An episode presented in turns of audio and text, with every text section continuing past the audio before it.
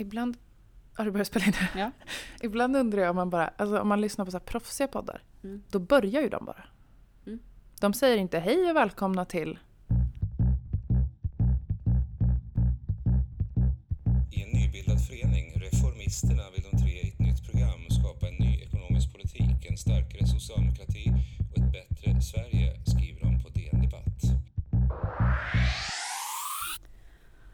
Okej, det här är nionde avsnittet av Reformistpodden. Hej Linn! Hej Sara! Hej! Vi spelar in här tisdag den 9 mars är det va? Ja, för det var internationella kvinnodagen igår. Det minns Precis. man. Ja, det minns man, men utan demonstrationer som att Ja, den här jävla pandemin som bara pågår. den jävla pandemin som bara pågår. Ja, jag vet inte vad man annars ska kalla det. Nej, nej du, Mm. du, du använder helt rätt ordval. Ja. Eh, men eh, avsnittet släpps ju på, på torsdag den 11. Mm. Men vad har hänt sen sist? Alltså det som har hänt sen sist eh, är ju... Då poddade vi ju om att Kry kanske skulle få köpa 1177. Just det. Om det gick åt helvete idag ju, skulle omröstningen ha varit. Och, eh, om nu ni som lyssnar på podden mot förmodan har missat det, så kan vi ju säga att den goda sidan vann. Mm. Socialdemokraternas hårda tryck i Region Stockholm Mm. tillsammans med Vänsterpartiet, tillsammans med skiftet pratade vi med förra gången. Mm. Med liksom ja, men gräsrotssossar som har ringt och ringt. Och så. Ja, det har ju varit liksom massivt tryck. Mm. Det, vi fick skörda frukt. Ja, och det är ju jävligt eh, skönt att få göra det Ah. ibland. Verkligen. Och jag noterade också att ehm, en motsvarande, får man väl säga, grej hände i Huddinge kommun. Mm. Du snackade i något avsnitt så här i, i början om att eh, Huddinge liksom skulle bara lägga ner den kommunala hemtjänsten och att allt skulle Just det, just det. För att den privata. eh, inte hade gått med vinst, typ. Ja, precis. Jag tror, jag tror Som verkligen att är formuleringen... kärnuppgiften för kommunala hemtjänsten. Det känner vi till. Make Ehm, money. Men där gjorde ju våra eh, partivänner eh, som så att dels röstade de ju emot liksom, i, i de forum som fanns i kommunen, men de Mm. överklagade också beslutet till, eh, antar jag, förvaltningsrätten, Ja. eh, där de fick rätt. Och eh, det måste vara nu i förra veckan som det här moderatledda styret meddelade att de tänkte följa rättens beslut. Det var ju ändå en god idé. Ja. Att göra även för ett moderat styre. Ja, men Följa precis. domslut. Eh, och det är ju ändå, det är ändå skönt att, eh, att kunna se att liksom, politisk eh, kamp och kampanj också kan skörda segrar. Verkligen. Ehm, och särskilt i de här otroligt viktiga frågorna som Verkligen. rör liksom, välfärden. Och en liksom ytterligare bra grej med allt det här, det är ju att kampen i Region Stockholm kring det här med 1177 just, fortsätter ju nu. Det Mm. tycker jag också är så jävla...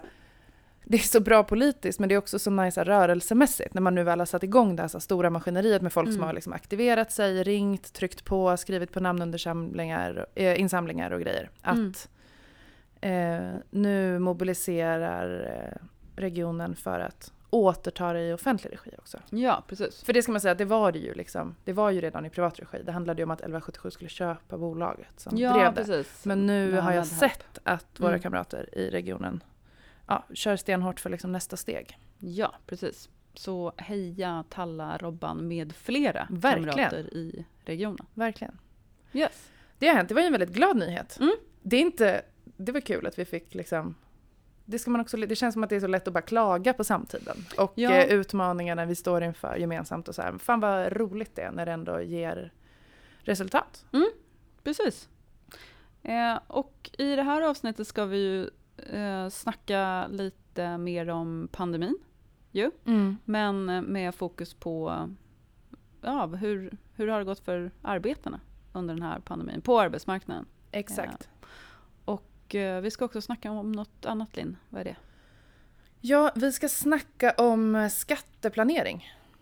Men innan vi går in på, på de temana så kanske vi ska säga någonting om att bara liksom någon timma här innan vi spelade in det här så kom det en nyhet. Jag vet inte om det är en nyhet, men jag antar det att Annie Lööf öppnar för att sitta som minister i en S-ledd regering. Mm. Alltså att hennes take var så här, vi går inte till val på att sitta i opposition, vi går till val på att få saker gjorda. Och vi kan därför eh, tänka oss att sitta i både en M-ledd regering och en S-ledd regering. Men inte en regering som förhandlar med SD. Mm. Och så då blir det en S-ledd? Ja, precis. Eh, det, kan man tänka det, sig. Det är ju inte ett alternativ som står till buds just nu att uh, ha en M-ledd regering som inte förhandlar med SD. Så, så ser ju inte siffrorna ut. Nej, nej men det är det jag menar. Eh, precis. Och, och, då innebär ju det liksom en ja, men det är en fortsatt rakryggad, rak, rakryggad hållning av Centerpartiet, får man säga. Mm. Det ska de ha cred för, ja. eh, tycker jag. Eh, tycker du också, förhoppningsvis. ja, ja, det tycker jag. High five Annie, ja. från oss. Men det, det, kanske, det kanske är värt att säga någonting, eller liksom ha någon liten spekulation om vilken ministerpost hon skulle kunna ha i en, mm. i en S-regering. Det är väldigt mycket lättare för mig att tänka på ministerposter jag inte vill att hon ska ha. Mm. Men om vi, vi ska spåna lite kring vilka, alltså jag tänker så här, tråkigt om en centerpartist fick arbetsmarknad till exempel. Mycket tråkigt. Apropå... Men Martin Ådahl kanske kan vara kulturminister? Vet du, jag tänkte på det. Tavelgates Martin mm. Ådahl. Eh, det vore fint. Ja, han tycker ju om konst och satir. Han gillar det. I alla fall, precis. det har vi lärt oss. Han mm. respekterar den konstens särställning mm. i samhället. Det är viktigt. Men vad tror du om Annie då? Vi håller dem långt borta från arbetsmarknaden.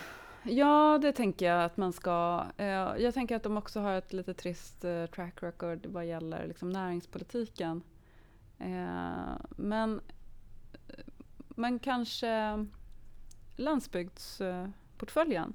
Mm. Jag tänker det är ändå så här Back to the roots. naturlig ministerportfölj för en centerpartist och tänker jag kanske det enda området där de inte är marknadsliberala.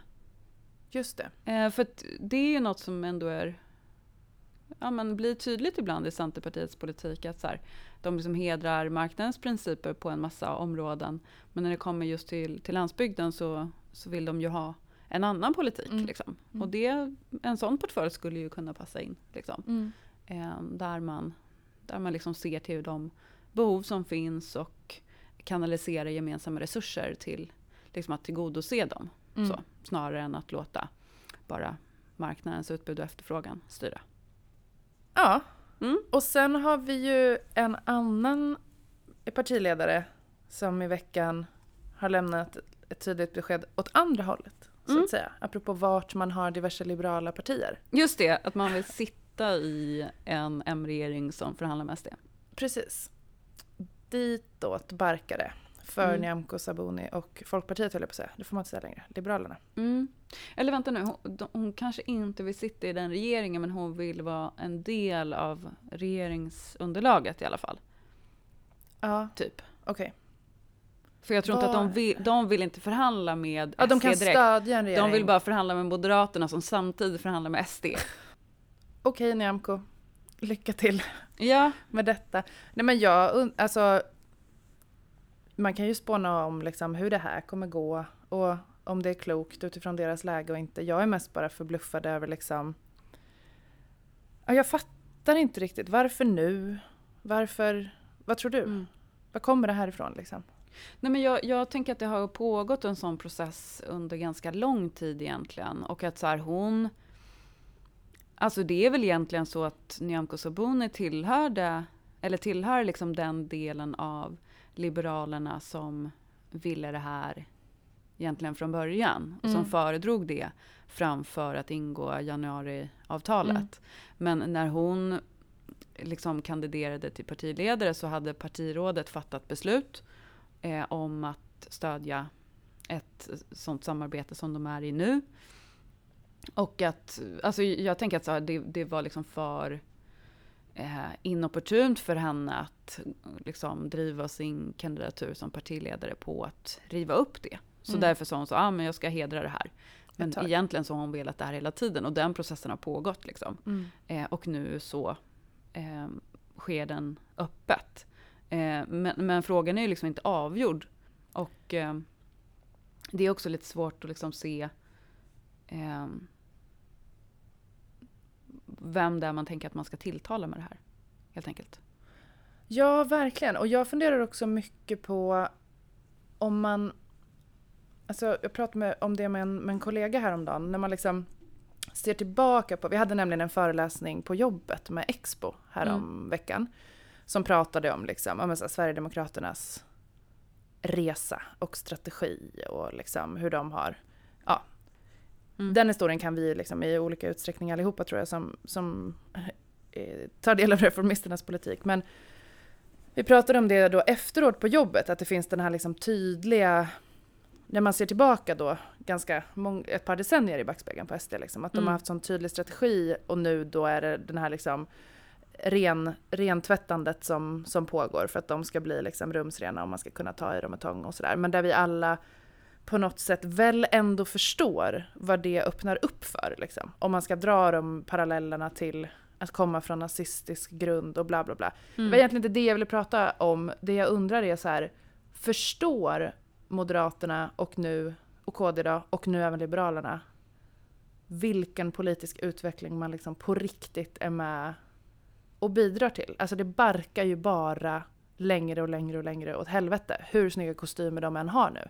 Mm. Alltså ser man sig själv i spegeln och erkänner att man är en del av den utvecklingen, eller tror man liksom att S tror man på riktigt att SD inte har förändrats? Eller SD har förändrats? Ja, alltså det är en bra fråga. Nu var alltså, det har ju inte egentligen Sabuni varit inne på, men däremot uh, Ulf Kristersson har ju liksom ja, sagt så här, ja, ja de, de, har, har ju förändrats. förändrats. Ja. Vilket ju uh, vilket ju inte är sant. Och alltså är det, är det någon förändring som har skett liksom verkligen senaste tiden så är ju liksom att de har flyttat fram sina positioner ja. och liksom kan uttrycka saker som de hade behövt använda sin nolltolerans mot för bara några år sedan. Ja, liksom. exakt. Um, men så här, jag menar även då i fallet Nyamko Sabuni när hon liksom säger att så här, ja men eh, vi är beredda att eh, samtala med alla, eh, bla bla bla, mm. det här, eh, för att liksom kunna då eh, sätta sig i ett sånt samarbete. Och sen samtidigt säga, men vi gör det här för att försvara liberala kärnvärden och vi ska gå till val på en liberal reformagenda. Hur då? Eh, och, ja, alltså ingen vet ju riktigt hur den ser ut heller, för att det är väldigt, alltså man vet ju inte vad, vad, vad liksom de driver för politik? Nej men precis, alltså så här, ja, de, de är väl fortfarande för att man ska ha betyg från liksom... Betyg eh, från tidigare ålder och språkkrav, det är typ det enda ja, jag typ. förknippar typ. med Liberalerna. Precis, men det är liksom inte dels är det, det är också, det, det som fråga om det är det, är det allra mest liberala man kan komma på. men, men, eh, men även om man nu tänker så här, det här är otroligt liberal politik, eh, så, så är ju det, det är ju inte så fett liksom. Alltså något, det är väldigt torftigt liksom. Något mer borde de ju kunna komma på. Och alltså hon har ju varit inne på då när hon presenterade det här, eh, Sabune, så pratade hon om att de ska gå till val på en bra liksom, integrationspolitik och sådär. Problemet är ju liksom att mutar man in sig i det hörnet som är liksom M, SD, KD, så tänker jag att det är liksom därifrån man då också tänker att man ska eh, få väljare eller stödröster. Mm. Eh, men de är ju inte intresserade av integrationspolitik. Nej. Alltså det, det Nej, och ja, vem, vågar man stödrösta på Liberalerna för det? Alltså det är också, ett, kommer de ens komma in liksom? Ska man då, ska man då sno stödröster mm. från inte heller liksom superstabila Moderaterna och Kristdemokraterna mm. vad gäller så här valresultat liksom.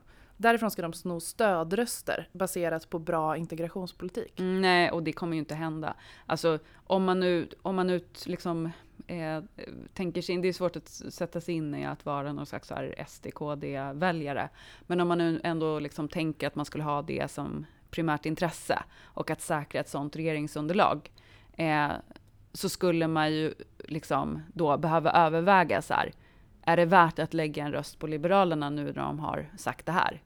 Eh, och jag tänker att de allra, allra flesta borde komma fram till att absolut inte. Nej. Alltså dels för att de riskerar att åka ur, men också för att hur ska man kunna lita på eh, att de står för det när, liksom, när man vet att partirådet har fattat ett annat beslut för inte särskilt länge sedan.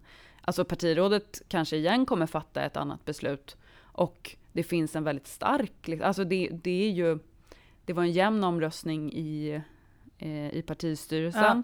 Ja, ja. Det är jämnt i riksdagsgruppen och det är faktiskt också riksdagsgruppen som, när röstar. det väl gäller, röstar mm. om statsminister.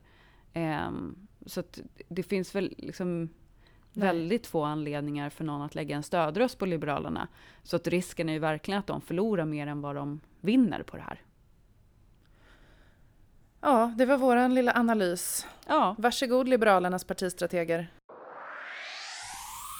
Du har ju, Sara, vi har ju lovat några gånger att vi inte ska prata så mycket om pandemi i den här podden. Ja. Men nu... Jag har varit ganska notorisk i att bryta det. ja, men nu tänkte vi göra det. Jag har gjort det igen. Nu har du, bryt, nu har du brutit det igen. ja, alltså jag satt faktiskt um, nyligen och uh, tänkte på att så här, uh, det här avsnittet det släpps ju 11 mars. Och det är så här, precis ett år sedan som pandemin förändrade mitt liv. Mm. Jag fattar att andras liv kanske förändrades tidigare eller senare än det. Och lite mer eventuellt. Och jävligt mycket mer. Mm. Eh, för att jag har liksom, ja men det finns massa saker i mitt liv som gör att jag inte har drabbats så hårt av det här. Men det har ju förändrat mitt liv såklart. Eh, och det var verkligen 11 mars förra året när jag satt på tåget på väg ner till Lund, Malmö, för en kompis disputation. Eh, mycket bra avhandling förresten. Mm. Fredrik Egefur om eh, freds, alltså den borgerliga och socialistiska fredsrörelsen kring förra sekelskiftet. Mm. Mycket intressant. Kan ni googla på. Tips. Eh, tips. Men eh, vi var liksom på, vä på väg ner dit och det låg liksom i luften att så här, det här kanske inte är så lämpligt. Ja. Men det var liksom att man fortfarande kunde göra det. Ja. Och man kunde fortfarande gå på fest och vi dansade på natten. Liksom. Mm. Så.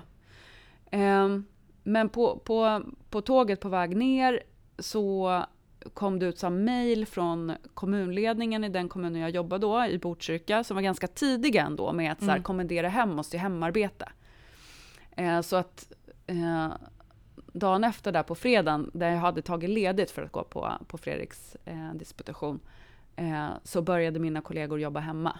Mm. Eh, och vi satt ju med den här, liksom, ja men den här känslan, alltså det var så liksom, konstigt åka och vi visste att så här, vi kommer inte åka någonstans på ett tag nu. Det är sista ja. liksom. Mm. Vi, åk, vi var ju på festen och sen åkte vi hem och sådär. Men, och sen dess har man typ jobbat hemma mm. ganska mm. mycket och sådär. Eh. Ja, jag minns det också precis nu. Vi tog då steget längre i min familj och kom precis hem från en utlandsresa ah. igår. Fast ja. till vårt försvar då så åkte vi ju ett bra tag innan. Man hade ju hört talas om att det var något virus i Kina. Just det. Typ. Men det, var liksom inte, det fanns inte på kartan för oss mm. att vi inte skulle åka. Och sen kom vi hem som igår, för ett år sedan. Mm. Och sen var jag på jobbet i, jag tror fyra dagar. Och sen blev vi hemskickade. Och jag minns också så här, jag och mina kollegor bara, ja ja. Det här är väl liksom, vi ses om ett par veckor. Ja. Eller så. Fattade ingenting. Firar vi ett år. Ja, ja. firar och firar. Men... Skoja. Eh, men apropå det. Ja, apropå det. Eh, det var inte ens en introduktion till det vi ska snacka om. Nej, det var bara ytterligare jag mer snack säga, om pandemin. Jag ville bara säga att det har gått ett år nu eh, och det är jävligt trist. Ja. Men, eh, som sagt, eh, jag har inte drabbats särskilt hårt. Men det finns ju andra som har gjort. Och det är väl en bra övergång till att snacka om LOs nya rapport om de som inte kan jobba hemma. Mm. Alltså nästan alla LO-arbetare. Jag, eh, jag har ringt Linda Larsson på LO eh, och snackat lite om det. Yes, och då har vi med Linda Larsson som är utredare på LO med specialområden digitalisering och utveckling av arbetsvillkor. Eh, och vi vill ju gärna ha med dig här för att prata lite om en rapport som LO släppte bara för några dagar sedan, eller för en vecka sedan när det här avsnittet, avsnittet eh, släpps. Om, eh, visst var titeln Vi som inte kunde jobba hemma? Precis, vi som inte jobbade hemma. Vi som inte jobbade hemma. Vill du berätta lite om rapporten? Ja, jättegärna. Um, det här är alltså en, en, rapport som, som är uppdelad i två delar som, som hänger ihop såklart. Eh, och det är dels liksom vi har tittat på, vi vill helt enkelt beskriva vad som har hänt på arbetsmarknaden det här senaste året under, mm. under pandemin och då ur ett eh, klass och könsperspektiv. Mm. Eh, för vi har upplevt att det är, att det är väldigt väldigt lite diskussioner just kring, kring de aspekterna. När man, när man liksom ser den generella diskursen om, om, om hela det här pandemiåret och arbetsmarknaden så, så har vi i alla fall upplevt, och det har ju också varit en uttalad strategi från regeringen, att, att det har varit en väldigt fokus på att man just jobbar hemma helt enkelt. Mm. Eh, det utgår ifrån, det är som att alla tror att alla jobbar hemma eh, och så är det några få som har de här samhällsbärande yrkena som, mm. som, som måste göra dem. Eh, och därför ska vi andra stanna hemma. Och, liksom, och det har varit lite diskursen och det har för oss liksom känts så, så märkligt i den här diskussionen som vi vet Eh, de allra, allra flesta av LO-förbundens medlemmar är ju på sitt vanliga jobb. De har ju inte jobbat hemifrån. Mm. Ehm, så att därför kände vi att vi ville belysa den, eh, den aspekten och, liksom, och den, det faktumet och också undersöka hur har de haft det på sina jobb? Vad har hänt? Vad är deras upplevelser eh, under det här året? Allt mm. från smittspridning till arbetsbelastning och liknande. Hur, hur, hur är upplevelsen av det här pandemiåret på jobbet för arbetare? Mm. Eh, och till det då så har vi i studien också kopplat, eh, vi har ju tittat då på statistik, bland annat från SCB AKU-undersökningarna och sett vad som har hänt med arbetslöshetstal och liknande, sysselsättningen. Eh, och ja, försökt att beskriva det då utifrån ett klass och könsperspektiv. Och det här materialet bygger på en större undersökning som vi har gjort med Kantar Sifo, eller de har gjort den åt oss. Mm. Eh, så att vi har egentligen ett ganska stort material att ta av, men här har vi verkligen, här fick vi välja ut frågor och eh, då lyfta ur ett klass och könsperspektiv då eftersom det här eh, var en del av ehm, jämställdhetsbarometern som LO släpper varje år. Så det här är en delrapport av, av den helt enkelt. Mm. Mm. Just det, och alltså det som har, bli, som har liksom blivit genomslaget har ju handlat mycket om just könsmönstret i det här. Ja, eh, att, att, kvinnor har drabbats väldigt hårt på arbetsmarknaden ja, av pandemin. Och det, det var någonting som vi såg eh, Ja, men det blev väldigt tydligt när vi började gå igenom materialet. Eh, vi har haft väldigt många parametrar vi har, som inte belyses i den här undersökningen men som vi kommer att jobba vidare med och som vi kommer att förhoppningsvis eh, på, på många bra sätt kunna presentera här framöver. Eh, så att vi har ju bara tittat nu utifrån eh, ja, kön helt enkelt eh, och, och vissa andra parametrar och det blev ju väldigt, väldigt tydligt efter ett tag när man hade liksom fått överblick över det här materialet det, som är relativt stort att det var det är dels två aspekter som stack ut, eller det är några aspekter som sticker ut och dels har det då, vi har ju tittat också utifrån hur man känner att man, om man upplever att man jobbar i ett kontaktyrke, alltså att man träffar mm. någon som inte är ens kollega varje dag eh, mm. i, i, sitt, liksom, i sin, sitt yrkesutövande. Och där är det ju vi vet ju att många eh, LO-yrken har, där det är sådana yrken och, och här var det ju eh, väldigt många. Det är 8 av 10 kvinnor som upplever att man har ett sådant yrke och det sätter ju också olika förutsättningar för hur man, liksom, förutsättningar för hur man har det på jobbet under pandemin. Mm. Men vi såg också att det var så pass många som 5 av 10 män som, eh, som, som upplevde att man hade ett kontaktyrke.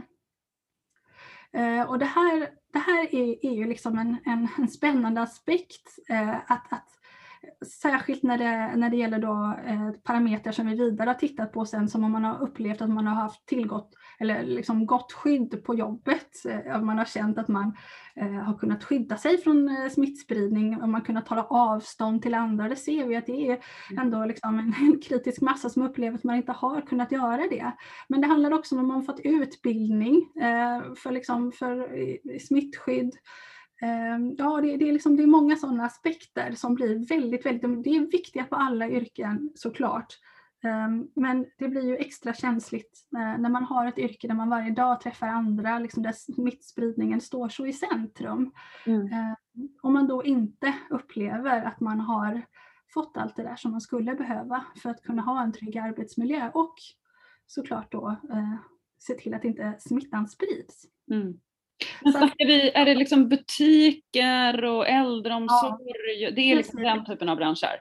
Ja, vi, liksom, precis. Och, och, vi har ju sett, det finns ju liksom, det finns, det finns många branscher representerade här. Och, mm. och kanske fler än vad vi vanligtvis tänker på förutom ja, precis, restauranger, kaféer eh, och barnomsorg, äldreomsorg, alla liksom, välfärdsyrkena. De är ju klassiska, det är de vi ser framför oss. Men vi ser ju också taxichaufförerna, busschaufförerna. Vi har en hel del hantverkaryrken som jag också kan tänka mig faktiskt uppleva att man är ett kontaktyrke när man är hemma hos någon. Det är mm. fastighetsskötare, det är städare, det, mm. är, det kan ju vara målare eller snickare som, som, som jobbar hemma hos folk eh, där man liksom kommer in till någon i deras hem. Så det, det är liksom Ja, det är inte bara så enkelt som att det är kvinnorna i vården som, som, som, som, faktiskt har den här typen av yrken och det är väl väldigt viktigt att komma ihåg. Mm. Eh, att, eh, att det finns en väldigt bredd och att man, att man liksom inte får glömma bort alla de här, även männen då så att säga, ja. eh, som, som finns med här.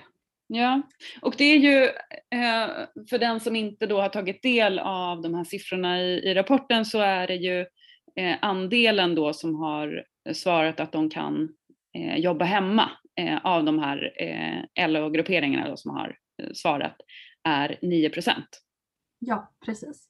Mm. Och vi ställde ju även frågan där om eh, hur många som upplevde att man eller hade kunnat jobba hemma innan pandemin utbröt och då var det ju 99 procent som sa eh, att, man, att man jobbade på jobbet så att säga.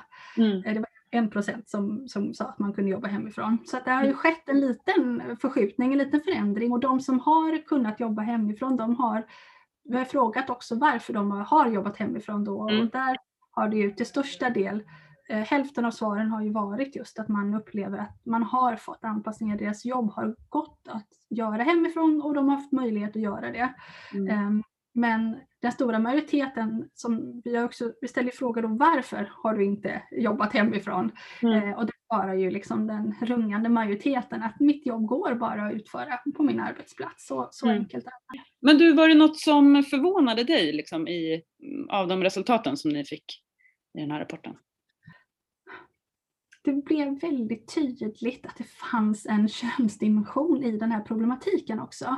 Mm. Eh, och det var därför som det också passade sig så bra att lyfta in det just i jämställdhetsbarometern för att det var så att kvinnor har upplevt i högre utsträckning om vi, nu, om vi också ser liksom på vad som har hänt med sysselsättning och arbetslöshetstal så, så, mm. så, så, är det ju så att kvinnorna är, arbetarkvinnorna är de som har liksom som har drabbats hårdast om man säger så mm. Eh, under pandemin här och det gångna året. Ehm, och det är också då kopplat eh, när man ser liksom till att både liksom fasta tjänster men också visstider har försvunnit. Det är ju liksom eh, mycket kvinnor som har haft visstider. Men sen också man kopplar det till, till studien och där vi såg att när vi frågade om saker som man upplevt att att man har fått mer att göra. Eh, ja, då var det många fler kvinnor än män som upplevde att man har fått fler typer av eh, eh, eller nya arbetsuppgifter att göra mm. än män till exempel. Det är också män, eller kvinnor upplevde också i, i större utsträckning än män en ökad arbetsbelastning. Men de hade också, eller upplevde också i mindre utsträckning än män möjlighet att för, till återhämtning helt enkelt. Så att det, var liksom, det blev ganska tydligt att det fanns ett, liksom en väldigt så här, tydligt könsmönster i de här siffrorna um, av att ja, det, mm. det, är liksom, det, ja, det var väldigt tydligt och, och, det, det kändes ju bra då på ett sätt att få kunna lyfta det i den här, mm. um, i den här studien. Mm. Jag tror att vi kommer att få en mer och mer nyanserad debatt nu när vi kan släppa taget lite om det här första året med mm. ja, som den här smittspridningen och allt vad det innebär. Jag tror att, och jag hoppas och tror att vi kommer att få mer fördjupade analyser nu framöver framförallt mm. om om, och där vi också kommer att kunna lyfta sådana här, och det är väl en, en anledning till varför vi också vill lyfta det här i, i den här rapporten, därför att vi vill inte att um, särskilt då LO, LO-arbetarna helt enkelt, som har dragit ett sådant stort lass under eh, pandemin.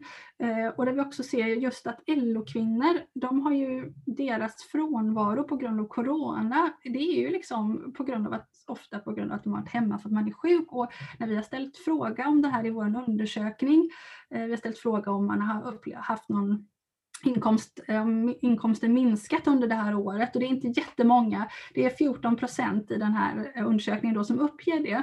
Mm. Men när vi har frågat varför eller vad grunden är till att min inkomsten ökat så är ju liksom såklart färre timmar hos kvinnor men också permittering eh, hos kvinnor och då, det är också främst anledningen hos män. Eh, men också uppger ganska många kvinnor att det är just inkomstfall på grund av liksom att man har varit sjuk. Man är, mm. man är tvungen att sjukskriva sig helt enkelt och där har vi haft eh, det här liksom att, att eh, liksom med karensen som har, som har lyfts nu och det hoppas vi verkligen att det liksom permanenteras och inte kommer mm. tillbaks som har hjälpt. Men det betyder ju också att det blir liksom Arbetarna har ju också fått betala med sin lön, om man säger så, för att de inte kunnat vara på jobbet. Eh, ja, för det blir ytterligare en konsekvens då av att, av att inte kunna eh, jobba hemma. Att, alltså om jag är lite, jag, oftast mina arbetsdagar kan ju jag mm. Jobba hemma om jag har ont i halsen, men i många yrken kan man ju liksom inte göra det. Nej, Utan måste... och, det, och det har ju varit Exakt, och det är ju liksom, det är en sån här väldigt strukturell ojämlikhet och det ser man också när man tittar på eh, statistik, den officiella statistiken också kring frånvaro från corona. Där är det också tydligt att det är arbetarna och särskilt arbetarkvinnorna som är, som, som är, liksom, som är borta de här långa tiderna så att säga, alltså en hel vecka. Och det är mm. ju för att man helt enkelt försöker följa rekommendationerna. Mm. Eh, antingen så är man sjuk och behöver vara hemma så länge eller så måste man ju vara bort, hemma tills eh, symptomen har gått bort och då det, är ju liksom, det blir ytterligare en, en indirekt en kostnad att bära då så att säga. Mm. Um, som, som, och jag tror att vi måste prata mer om det här. Uh, vi vet ju generellt, och det är ju någonting som vi från LO sida ofta brukar vilja lyfta, just det här att arbetarna bär de största riskerna så att säga. Mm. Det är också därför vi behöver ett fullgott skydd.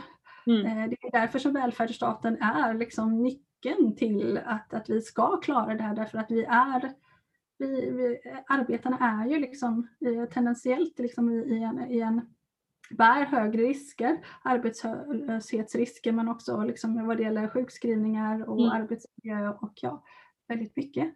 Ja, och det tänker jag att ni, ni visar ju det också att en av de liksom stora kostnader som samhället har tagit i den här pandemin är ju de här korttidspermitteringarna. Ja. Eh, där visar ju ni att det, som, det kan ju träffa ganska stora grupper, men det mm. träffar ju inte de arbetare som har de sämsta eller mest osäkra arbetsvillkoren. Så hur liksom, eh, och det är ju jävla orättvist. Men hur, vad behöver man göra liksom dels nu men också på lite sikt för att liksom stärka skyddet eh, och liksom minska slagsidan mot de här grupperna på arbetsmarknaden. Ja. Och, och, där, är ju liksom, där kan man ju absolut fundera på om man vill skruva i systemet med korttidsarbete men liksom för oss är ju det naturliga svaret att vi måste se till att det finns ett fullgott skydd för de här personerna om de skulle bli av med sitt jobb. Det ska mm. finnas liksom en, en, en, en värdig arbetslöshetsförsäkring, det ska, liksom, det, det, ska finnas ett värdigt och rejält skyddsnät som fångar upp dem. För det är så här som vi tar oss igenom, inte bara kriser, men liksom vår modell, vår arbetsmarknadsmodell bygger ju på att det finns en trygghet i förändring oavsett mm. vad det är för förändring som sker. Eh, och därför är det ju jätteviktigt att vi, att vi de här förändringarna i a-kassan som har kommit till stånd nu under åren, att de också får, de behöver ju förbättras ytterligare. Det är mm. samma sak med sjukförsäkringen, men vi behöver liksom, Sverige har ju varit bra på det här och vi är inte bra på det här längre. Eh, och vi måste ju verkligen, verkligen nu eh, ja, ta oss i kragen och se till liksom att de som jobbar och, och liksom våra medborgare generellt sett har ett fullgott skydd mm. så att man står sig oavsett eh, liksom, kris eller strukturomvandling eller vad det är. Det är så vi har jobbat tidigare och det är så vi måste jobba framåt också. Men du, jag får eh, tacka så hemskt mycket så långt eh, Linda för att du ville vara med och snacka om det här mycket viktiga ämnet med oss. Ja men tack, tack för att eh, jag fick möjligheten att prata om det här. Fint! Mm. Hej då! Hej hej! Tack snälla Linda för inslaget och tack Linda och LO för rapporten. Så jävla viktigt perspektiv bara ja, på hela den verkligen. här uh, gud vad vi är trötta på att jobba hemifrån bubblan som mm. jag känner att jag befinner mig i. Mm. Det är lätt ja, att fastna men, i det. Precis, och jag, jag, jag, tänker att vi kommer få anledning att, att prata vidare på ungefär det här temat. Eh, ska säga det också att efter att vi spelade in det här så hade Linda av sig och ville bara tillägga eh, för att bryta kanske någon slags myt om att så här, det är väldigt många tjänstemän också som inte kan jobba hemma. Eh, mm. Där arbetet är förlagt till arbetsplatsen rent fysiskt. Liksom. Mm. Så att man inte går, går i någon annan fälla då och tror att, att alla tjänstemän är så fria och flexibla och sådär. Mm var bara det. Bra. Yes. Ja men grymt. Ja, men du det här eh, land för land-rapporteringen. Land för land Som du har lärt dig mer om. Jag har lärt mig alltså, uppskattningsvis 300 procentenheter mm. mer om det här under den här dagen. Mm. När jag har både läst en rapport och pratat med rapportförfattaren. Nu spelar jag in. Gör du det också? Ja. Ja. Vad bra.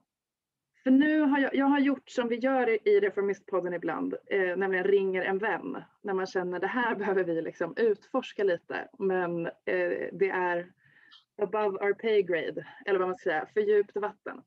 Eh, så nu eh, Zoom spelar jag in ett samtal med proffset Heidi Lampinen som har skrivit en rapport för Oxfam, där du jobbar, eller hur? Precis, jag är policyansvarig på Oxfam Sverige. Och vi skrev en rapport i höstas. Vad jobbar ni med? Eh, Oxfam är ju en global hjälporganisation så vi jobbar med allt ifrån humanitärt eh, krisstöd liksom, i länder där det är kris och konflikt men också med eh, långsiktiga globala utvecklingsfrågor och försöker påverka de grundläggande orsakerna till fattigdom. Och skatteflykten är en av dem. Just det, precis. För det är där, ni har ju liksom, ni har skrivit en rapport om skatteflykt och rätt ut skillnaden på skatteflykt och skatteplanering och, eh, och sådär. Eh, men det är alltså med anledning av ert uppdrag att bekämpa fattigdom. Precis. Mm. Så det är hela syftet. Det är hela syftet. Och nu har det varit, jag har ju fått läsa den här rapporten, blivit uppskattningsvis 200% bättre på skatte, skatteflyktsfrågor än vad jag var innan jag läste den. Men jag tänker ändå att du ska försöka förklara för mig som inte är så insatt och eventuella lyssnare som inte heller är det. Liksom. Vad är det här? Varför är det viktigt att prata om? Vad innebär det? Mm. Nej, men skatteflyktsfrågorna, alltså anledningen till att vi arbetar med det är ju att vi ser att det finns stor eh, resursbrist eh, i mycket av det som vi vill göra för att samhällen ska komma bli bättre helt enkelt. I länder som har eh, stor fattigdom till exempel så behöver man resurser till att bygga välfärd och att bygga se till att alla kan få skolgång, se till att det finns tillgång till alla de liksom grundläggande sociala trygghetssystem och, och funktioner ett samhälle behöver. Och för att kunna göra det så behövs resurser. Och vi ser också att idag så, så flyger helt enkelt skatter, eh, skatteflykten under radarn eh, för att kunna ens liksom, vara en del av att få in de här resurserna. Så det finns helt enkelt, helt enkelt kryp, kryphål för företag att, att planera eh, sin beskattning helt enkelt runt om eh, jordklotet och eh, undvika att betala skatt och undvika att vara en del i att bidra till samhällsbygget helt enkelt. Så det, och det är ju liksom ändå på någon slags gråzonsnivå juridiskt det här med liksom planering. Eller mm. hur? Alltså att aktivt skatteplanera så att man flyttar, ja, inte, inte liksom egentligen bryter mot lagen eventuellt, eller? Nej, Nej men precis. Alltså skatteplanering i sig är inte någonting som, som är olagligt. Ehm, det får man göra och ehm, tittar man till exempel på digitala bolag, alltså stora typ Facebook och Amazon och sådana företag som är väldigt digitala, de, de har ju den typen av verksamhet så att de också kan välja var de kan eh, befinna sig. För idag finns det inga regler som säger att, att du måste skatta där verksamheten sker, alltså i digitala former till exempel. Att så här, du har um, folk som strömmar din musik som går via, eller musik som går via din plattform, att, det, att du då behöver bidra eh, med skatt till de länderna. Så att det finns, skatteregler internationellt har helt enkelt inte liksom följt med den utveckling som vi har globalt och vi har en väldigt global marknad nu och företag kan, kan välja helt enkelt var det, det lämpar sig för dem att, att befinna sig. Just det. Och ett sätt menar då eh, flera, bland annat ni, för att eh, liksom komma åt det här vore att ha någon slags land för land redovisning öppet. Mm. Nej, men exakt. Berätta om förslagen ni tycker liksom behöver till. Mm. Ja, men det kommer egentligen från att eh, man inom OECD eh, har börjat ta gemensamma regler för hur, eh, hur skatter, eh, eller för att bekämpa egentligen skatteflykt eh, och den dräneringen av resurser som, som liksom länder är överens om vi har ett problem med. Mm. Eh, så det, det började som en process för fem år sedan i EU när man började då um, själva ta in OECD-reglerna som man hade överenskommit om. Och då insåg man att, eller ja, då införde man um, land för land-rapportering så att länder mellan varandra utbyter information mellan Skatteverket till exempel om hur bolag eh, tar ut sin vinst, om hur mycket man skattar och var man skattar. Så det finns ett sådant utbyte. Men problemet är att det här är någonting som sker eh, icke-offentligt. Eh, så vi som offentlighet, folkvalda, medier och så vidare kan inte granska hur det ser ut. Och anledningen till att det har kommit upp i EU Eh, är att kommissionen och många medlemsstater har, har ansett att, och vi också för den delen, att ehm, om det här skulle göras offentligt så skulle det innebära en, en typ av självsanering. Alltså att företag, inte, eh, om de bedriver osund skattekonkurrens och, och försöker kryp, liksom hitta kryphålen och, och så, eh, så kommer de inte vilja att det kommer ut för det kommer bli lätt, liksom, granskat. Det. Eh, och det, alltså, anledningen till att vi anser det är också för att när man införde det här för banker 2013 så, så liksom skedde en sån förändring. Det blev en normförändring för banker och då tror vi och kommissionen och så vidare att det här behöver ske även för företag. Och det är ju faktiskt egentligen bara de allra största företagen som, som det skulle gälla. Det är inte, det är inte småföretag. Så. Um, så att om det kommer upp till ljuset så, så kan vi granska det och då, um, då kommer det bli lättare att, att, se de fel som görs men också att företag inte kommer vilja uh, bli, få den typen av dålig publicitet helt enkelt uh, av att man bedriver den typen av verksamhet. Och var, var står vi nu kring de förslagen?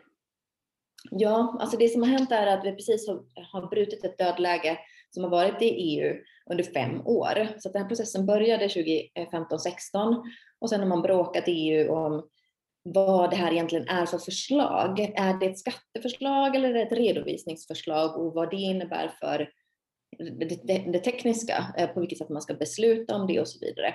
Och Sverige har varit eh, ett av de länderna som har blockerat ehm, processen. Man har tyckt att det här är ett skatteförslag och då ska inte vi prata om det i EU för att det, det är någonting som vi ska besluta i Sverige.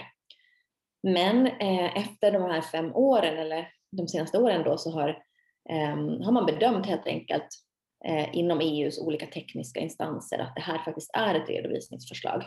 Och nu finns det en majoritet då som tycker eh, att det här är ett bra förslag och nu kan processen gå vidare. Så att kommissionen kommer nu, eller kommer gå i, i nästa steg i processen. Man kommer göra en trialogförhandling och sen kommer det leda till slut till ett direktiv. Så att det har verkligen varit, liksom, gått från ett dödläge till ett genombrott de senaste. Mm veckorna bara. Och vad tycker Sverige? Ja, precis som jag nämnde så tycker Sverige att det här är inte är ett bra förslag.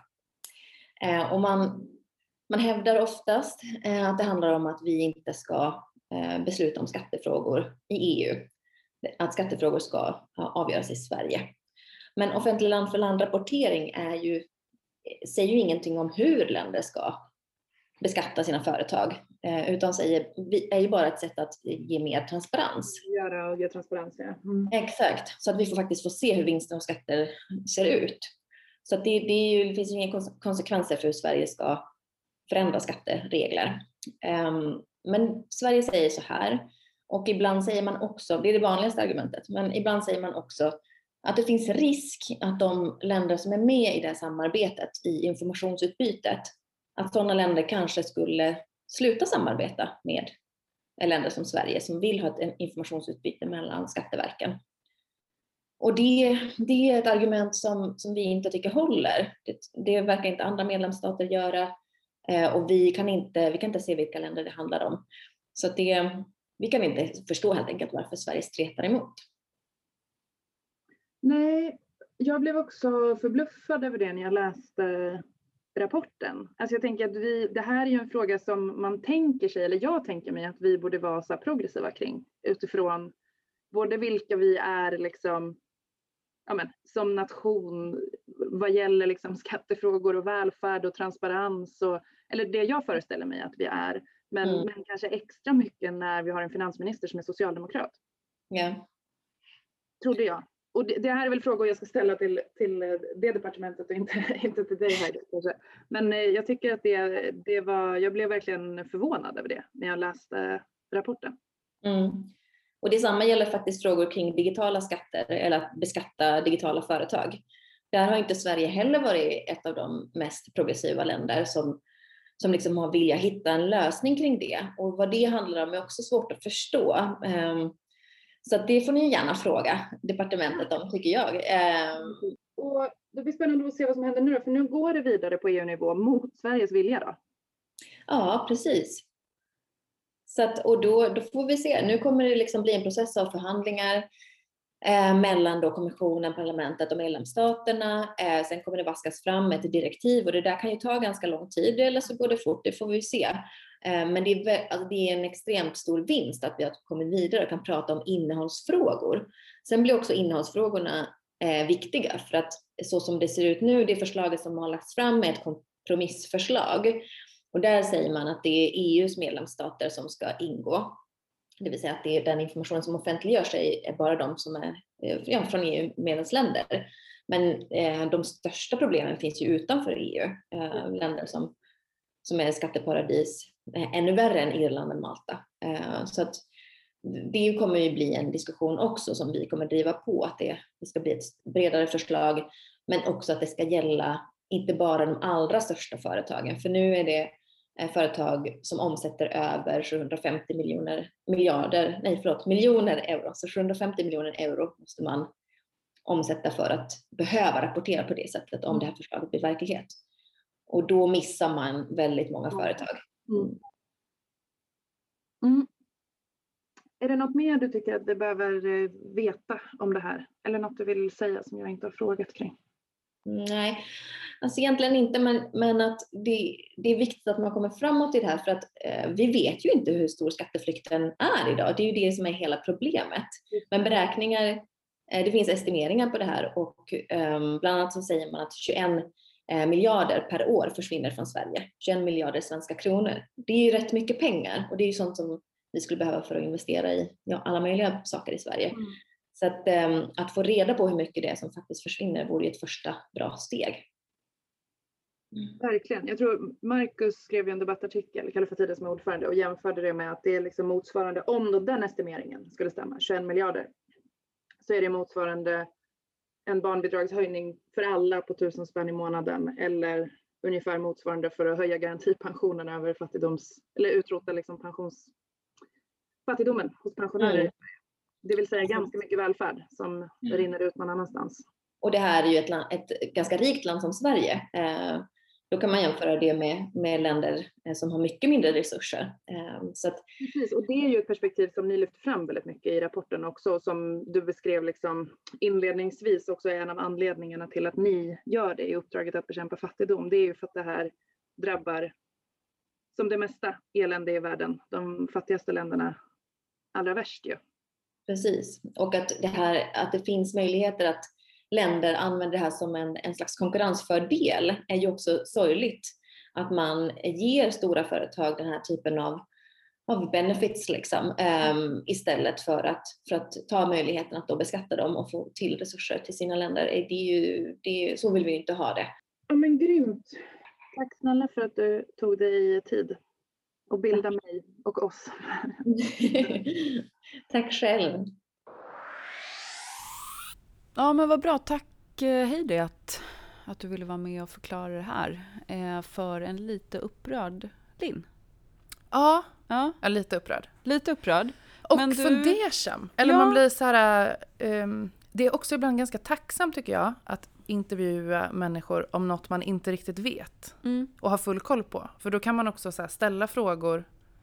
Alltså du vet man bara, hur tänkte folk här? Mm. Eller varför tänkte folk så här? Mm. Och få ganska ja, men raka svar som jag fick av Heidi. Så det ja. var ju skitgrymt. Eh, och du har ju också gått vidare och ställt frågan till någon annan. Ja, för jag tänkte att om man nu gör ett inslag där både jag och Heidi är lite liksom kritiska, mm. kanske snudd på skoja lite om. Mm. Hur kan det komma sig att vi har en, ett socialdemokratiskt lett finansdepartement som mm. har haft den här inställningen till. Och då tänkte jag, fair enough, enough att också få deras uttalande Absolut. på det.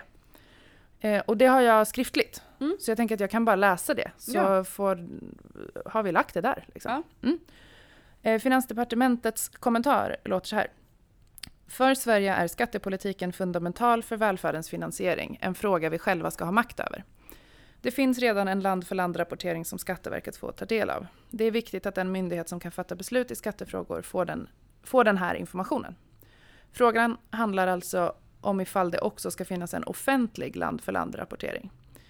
Sveriges regering har inte tagit ställning i sak men är principiellt emot att fatta beslut i EU om skattefrågor utan enhällighet. enhällighet. Försöket att fatta beslut om en skattefråga i konkurrenskraftsrådet betraktar vi som ett allvarligt hot mot den principen. Mm. Slutcitat. Just det. Mm. Eh, och alltså jag kan väl avslöja att jag satt ju faktiskt i skatteutskottet i, i riksdagen Boom, boom, eh, boom. När OECD släppte den här stora rapporten om eh, base erosion and profit shifting. Mm. Eh, som ni också berörde i, i ditt snack med Heidi. Ehm, och eh, ja, inställningen har ju varit så att ehm, det är liksom Skatteverket som ska ha den informationen, man ska inte göra den offentlig. Eh, och eh, att man inte behöver det egentligen. Eh, och det är nog sant för Sverige. Mm. Alltså i vårt fall så har vi liksom en seriös eh, myndighet i form av Skatteverket mm. som folk har mycket förtroende och tilltro eh, till. Eh, som kan göra det här jobbet med att granska och analysera dem, eh, den information som man inhämtar. Eh, det som har varit liksom, diskussionen är ju att i utvecklingsländer så har man ju inte eh, då samma liksom, eh, väl utbyggda myndigheter och folk har inte förtroende för de myndigheter som finns. Det där nej, hänger ihop liksom, mm. såklart. Mm. och därför behöver man ju i, ja, men i många utvecklingsländer så skulle de här siffrorna behöva vara offentliga för att olika typer av eh, NGOs ska, ska kunna mm. eh, granska eh, och avslöja eh, liksom skatte och kapitalflykt yeah. eh, från, från de här länderna. Eh, och ja, det är väl bra då? Ja. Att man går vidare med, ja. med de frågorna. Ja, jag, jag tycker det. Eh, ja, jag, ja, och också för den, det. det, är ju dels, det är ju dels det, det här med liksom vilka vilka länder har förutsättningar att ha den, de mekanismerna som, som vi har, som Mm. du säger. Men det är ju också det som Heidi också säger i inslaget, att man tror också att det finns en självsanerande effekt för företagen att faktiskt göra den här skatteflykten, om det är offentligt.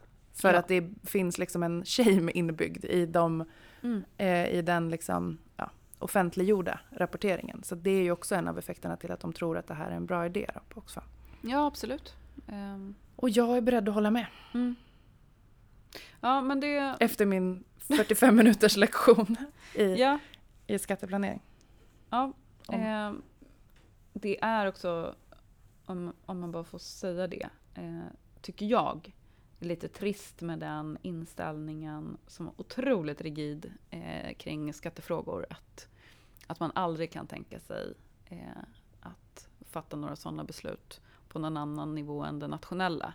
Eh, jag, jag tror inte att det är en framkomlig väg helt enkelt. Jag tror att vissa Eh, alltså jag tänker att man behöver göra skillnad på det som är så gemensam beskattning Mm. överstatligt och det som är att så här, harmonisera vissa eh, liksom, regler kring skatteuttag eller redovisning av skatter eh, för att komma till rätta med de här problemen. Vi har ju liksom inom, inom EU eh, också så här problem med att vi tar ut och redovisar moms på olika sätt som underlättar för företag att, att fuska med det. Och alltså, det är bara dumt att, att inte röra sig i en riktning där, där, det, där det blir svårare att fuska helt enkelt. verkligen. Mm. Verkligen. Mm. Yes. Ehm, men då är vi kanske klara för den här gången. Det tycker jag. Det var ett avsnitt. Ja, det var ett avsnitt. Ehm, vi ska väl liksom fortsätta påminna om att man kan höra av sig till, Precis till oss. Mm. ehm, på reformistpodden at gmail.com. Stämmer. Eh, och eh, ni har hört av er, en Ja, del av er, ja. eh, och sagt att ljudet inte suger längre. Det Eh, tycker vi, vi är är glada för det. skönt. Ja.